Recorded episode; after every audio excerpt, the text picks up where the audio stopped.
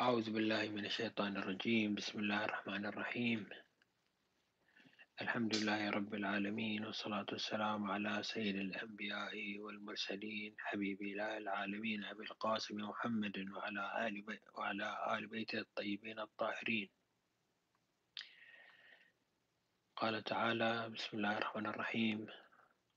وما أرسلنا من رسول إلا بلسان قومه ليبين لهم صدق الله العلي العظيم. حديثنا الليلة سوف يكون عن رسول نبي الله سليمان عليه على نبينا وآله وعليه أفضل الصلاة والسلام. أشرنا في الليلة الماضية إلى جملة من الخصائص التي خص الله بها نبيه داود عليه الصلاة والسلام. وربما استنتجنا وتوصلنا إلى أن داود عليه الصلاة والسلام. نبي قد عمل بنو قومه عمل بنو إسرائيل على محاولة تشويه صورته. رغم ما بينه القرآن الكريم وما كشف عنه القرآن الكريم من ما أعطي نبي الله داود عليه الصلاة والسلام من كمال عبادي وعلمي وأخلاقي. اليوم نواصل الحديث حول هذه الأجواء حول خصوصيات نبي الله سليمان عليه الصلاة والسلام الذي يشترك في داود في مع مع أبيه نبي الله داود في مسيرته لإعادة الإنسانية إلى أجواء التوحيد والطاعة لله عز وجل. لعل الخصلة التي نستفيدها من ما حكاه القرآن الكريم عن نبي الله سليمان عليه الصلاة والسلام أن نبي الله سليمان أراد توسعة الدعوة إلى الله عز وجل. القرآن الكريم يوضح أن نبي الله سليمان كان يحمل مسؤولية وهم واسع في أن هذه الإنسانية هذه البشرية بل هذا العالم بأسره من إنس وجن ومخلوقات تستحق أن يبذل أنبياء الله في إصلاح مسيرتها في دعوتها في نشر معنى التوحيد والاعتقاد بتوحيد الله عز وجل والسير في مسيرة الإيمان بالله عز وجل جهودا جبارة لعلنا نشير إلى جملة من الصفات التي خص الله عز وجل بها نبيه سليمان لكي يتأهب لهذه المهمة لكي يمتلك أسباب القدرة على هذه المهمة. قال الله عز وجل ولقد آتينا داود وسليمان علما وقالا الحمد لله الذي فضلنا على كثير من عباده المؤمنين. العلم المعرفة الحقة. هي هذا العنصر الأساسي والمنطلق الذي تميزت به دعوة الأنبياء عليهم الصلاة والسلام. وقال تعالى وورث سليمان داود ما كان لدى داود من إمكانيات من قدرات من وسائل تصنيع من صناعات من قدرات ورثها نبي الله سليمان عليه الصلاة والسلام رغم أن سليمان لم يكن الابن الأكبر لداود. كان من الأبناء المتأخرين لنبي الله داود لكنه هو الله عز وجل زرع في قلبه هذه القوة الإيمانية التي كانت لداود عليه الصلاة والسلام. نبي الله سليمان عليه السلام أراد أن يتمكن من إيصال دعوة التوحيد إلى كل الأبعاد الممكنة قال ربي هب لي ملكا لا ينبغي لأحد من بعدي أراد أن يتمتع أن يعطيه الله عز وجل ملك لم يكن لأحد أن يحصل عليه وأن يهبه إياه. وقال تعالى وحشر لسليمان جنوده من الجن والإنس والطير وهم يوزعون استجاب الله عز وجل لهذه الدعوة السليمانية الصادقة المخلصة فإن الله عز وجل هيأ له جنودا من الإنس ومن الجن ومن الطير. وحشر لسليمان جنوده من الجن والإنس والطير فهم يوزعون يأتمرون بأمره. يقفون عند نهيه يمتثلون لتوجيهاته. بل إن هذه الموهبة التي وهبها الله لسليمان عليه الصلاة والسلام كما سخر له الطير والجن أمكنه من الفهم ما يدور في أوساطهم. هو سليمان نبي سليمان عليه الصلاة والسلام يريد أن يمارس دعوة يريد أن يمارس نشرا للتوحيد نشرا ل الله عز وجل منطق الطير. أي يعرف ماذا يدور في عالم هذه الموجودات.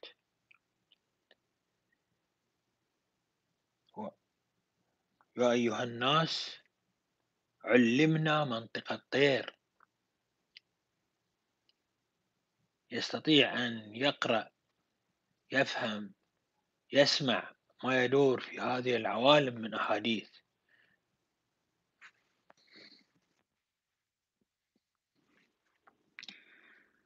وسوف يظهر لنا من خلال الآيات القرآنية كيف أنه كان يتحدث إلى الطير بل يعنب الطير ويسأل الطير ويسأل الهدهد ويستمع يسمع ما تقوله النملة ويدرك ما تقوله النملة ويتعامل مع هذه الحيوانات بحيث تستمر مسيرة السلطة الإلهية التي والغريزة الإلهية التي زرعها الله عز وجل في هذه الموجودات لتصل إلى صفائها الصحيح في عبادتها لله عز وجل.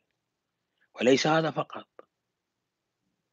بل سخر له حتى الرياح. هذه الموجودات الجامدة لحركة الهواء وانتقالها من بلد إلى بلد أصبحت تحت سخرة سليمان عليه الصلاة والسلام.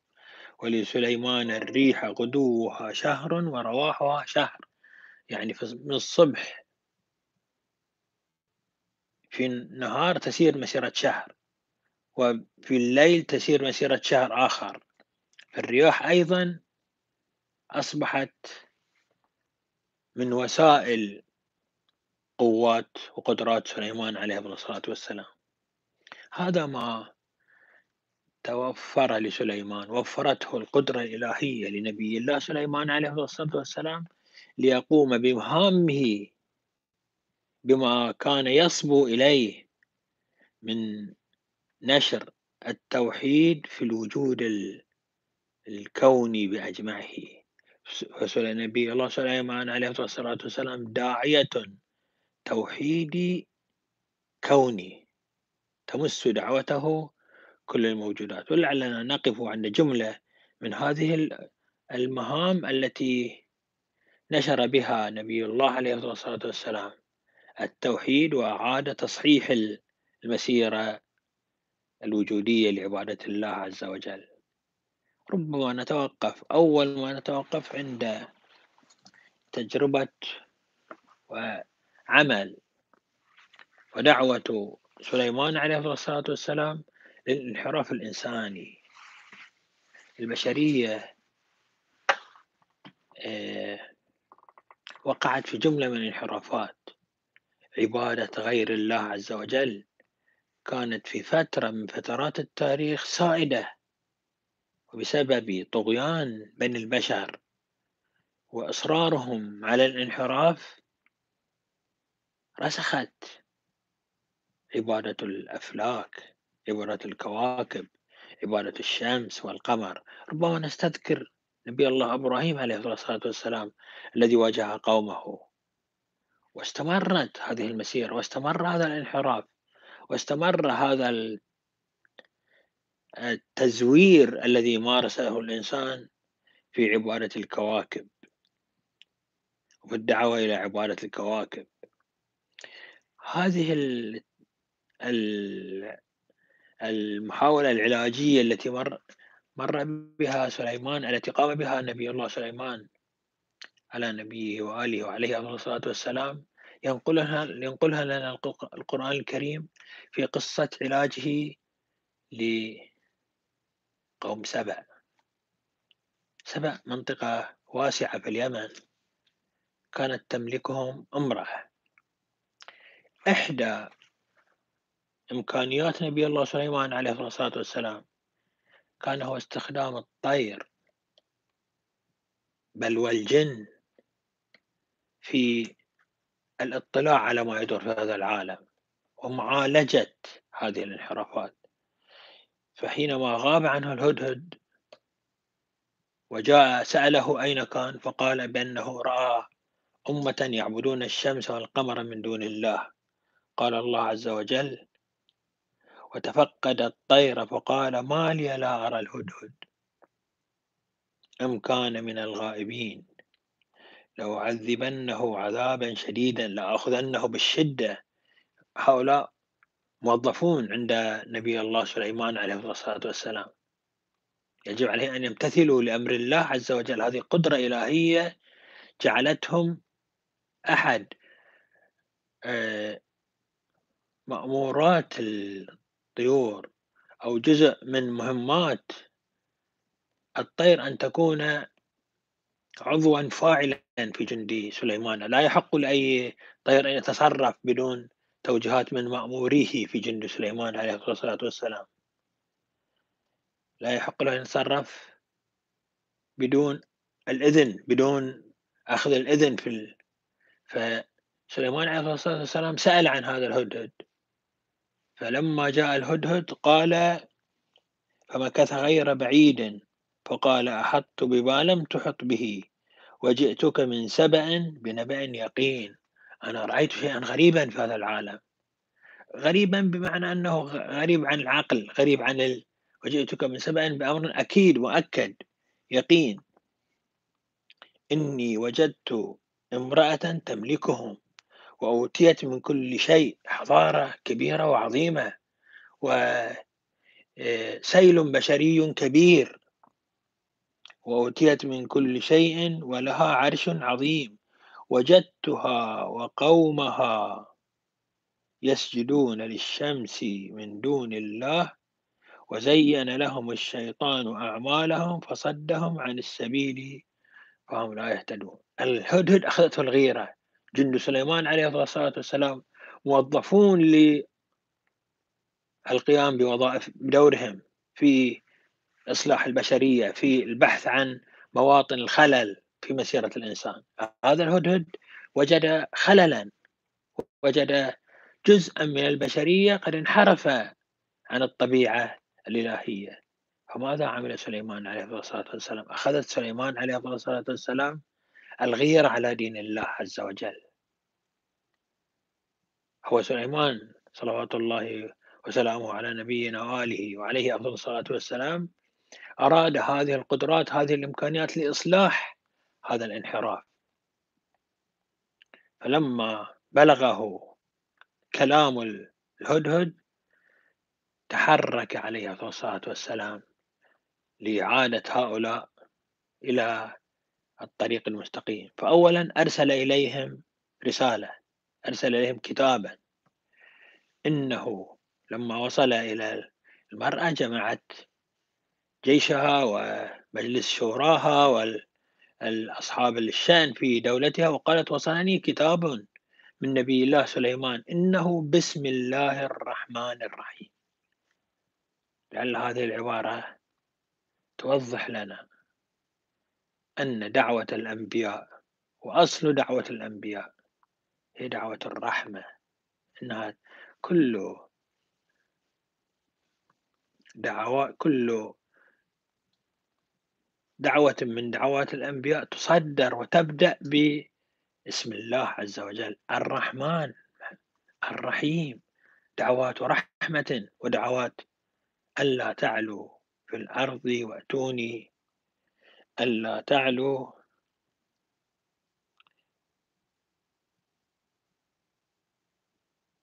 ألا تعلوا علي وأتوني مسلمين.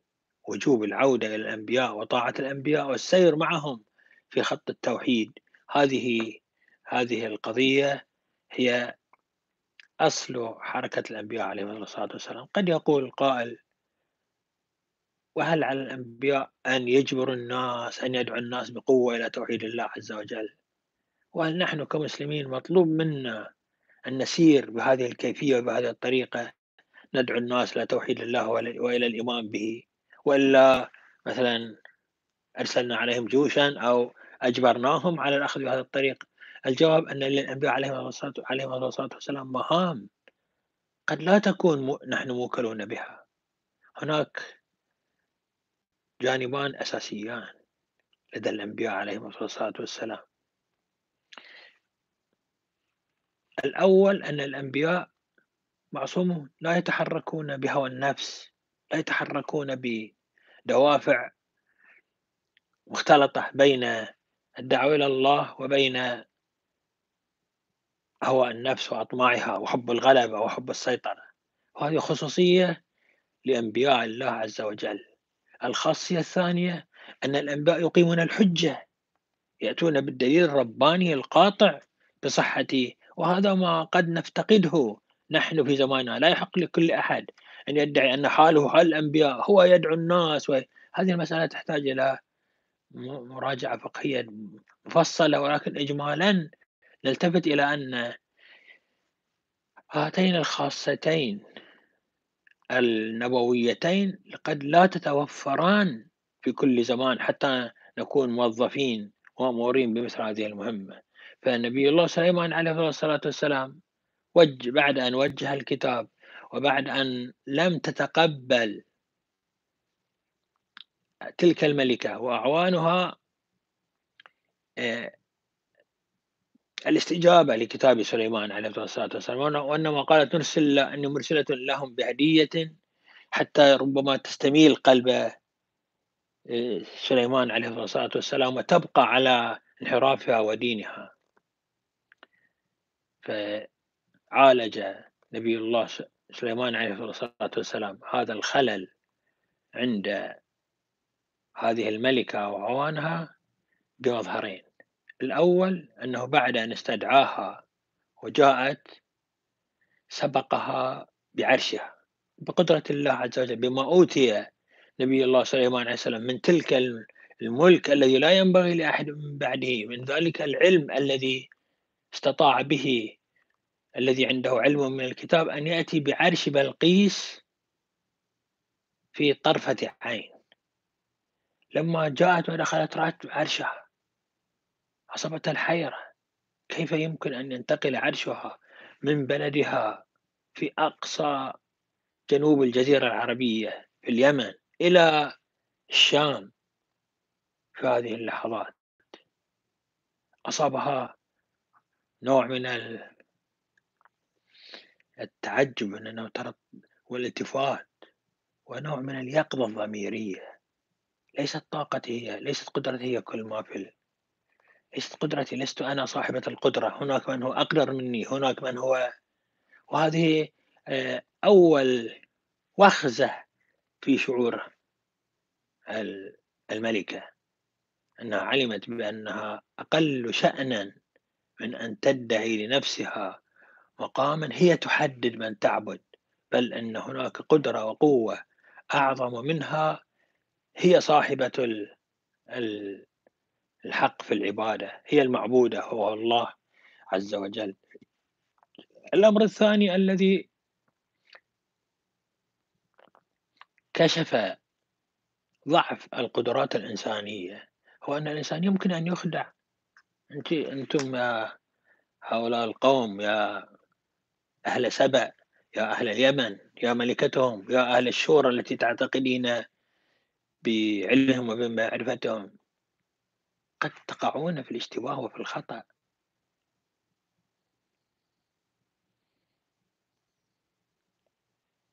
قيل لها ادخلي الصرح فلما رأته حسبته لجة وكشفت عن ساقيها.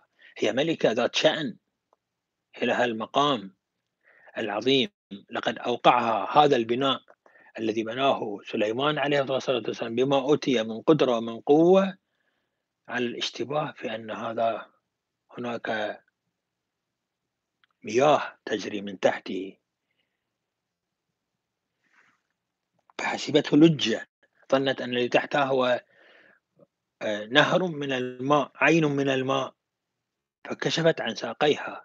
أي أنها في مع مقامها مع رفعة شأنها اكتشفت بأنها اضطرت إلى أن ترفع عن تكشف عن ساقيها و آه، بمظهر الشخص المخدوع اكتشفت بأنها يمكن أن تقع هي وقومها في خداع أودى بهم إلى عبادة الأفلاك عبادة الشمس عبادة قال سليمان عليه الصلاة والسلام. قال الله عز وجل فلما رأته حسبته لجة وكشفت عن ساقيها قال إنه صرح ممرد من قوارير. هذا الإيقاظ هذا التنبيه إلى أنك أيها الإنسان قد تستسلم الوهم والخيال. نحن أيها الأخوة قد نقع ضحية لأوهامنا والخيالنا بل نحن فعلا متأثرين بما نختلقه من أوهام ومن أخطاء ومن اشتباهات. ونتعلق بالمال أو بالجاه أو بالملك أو ب وليس إلا وهم كما كانت ملكة سبأ واقعة في الوهم واكتشفت خطأها واكتشفت أنها على غير الهدى على غير الطريق الصحيح على أنها ليست أولا ليست صاحبة قوة القوة لغيرها لله عز وجل. كما أنها ليست صاحبة علم فقد وقعت في خداع بصري. قالت رب إنني رب إني ظلمت نفسي وأسلمت مع سليمان لله رب العالمين. عادت هي وقومها وإلى عبادة الله عز وجل بعد أن كشف لها نبي الله سليمان عليه الصلاة والسلام عن هذا الخلل الخلل في القدرة أن هناك من هو أقدر منها من هو أقوى منها في هذا الوجود. والخلل في العلم فإنها قد تقع في الاشتباهات وفي الضلال. نسأل الله عز وجل أن يجعلنا وإياكم من التابعين لأنبيائه المتمسكين بالحق والحقائق وعدم الانجراف وعدم الانجرار وراء الاشتباهات والتخيلات والتزييفات والحمد لله رب العالمين. وصلى الله على محمد وآله الطيبين الطاهرين.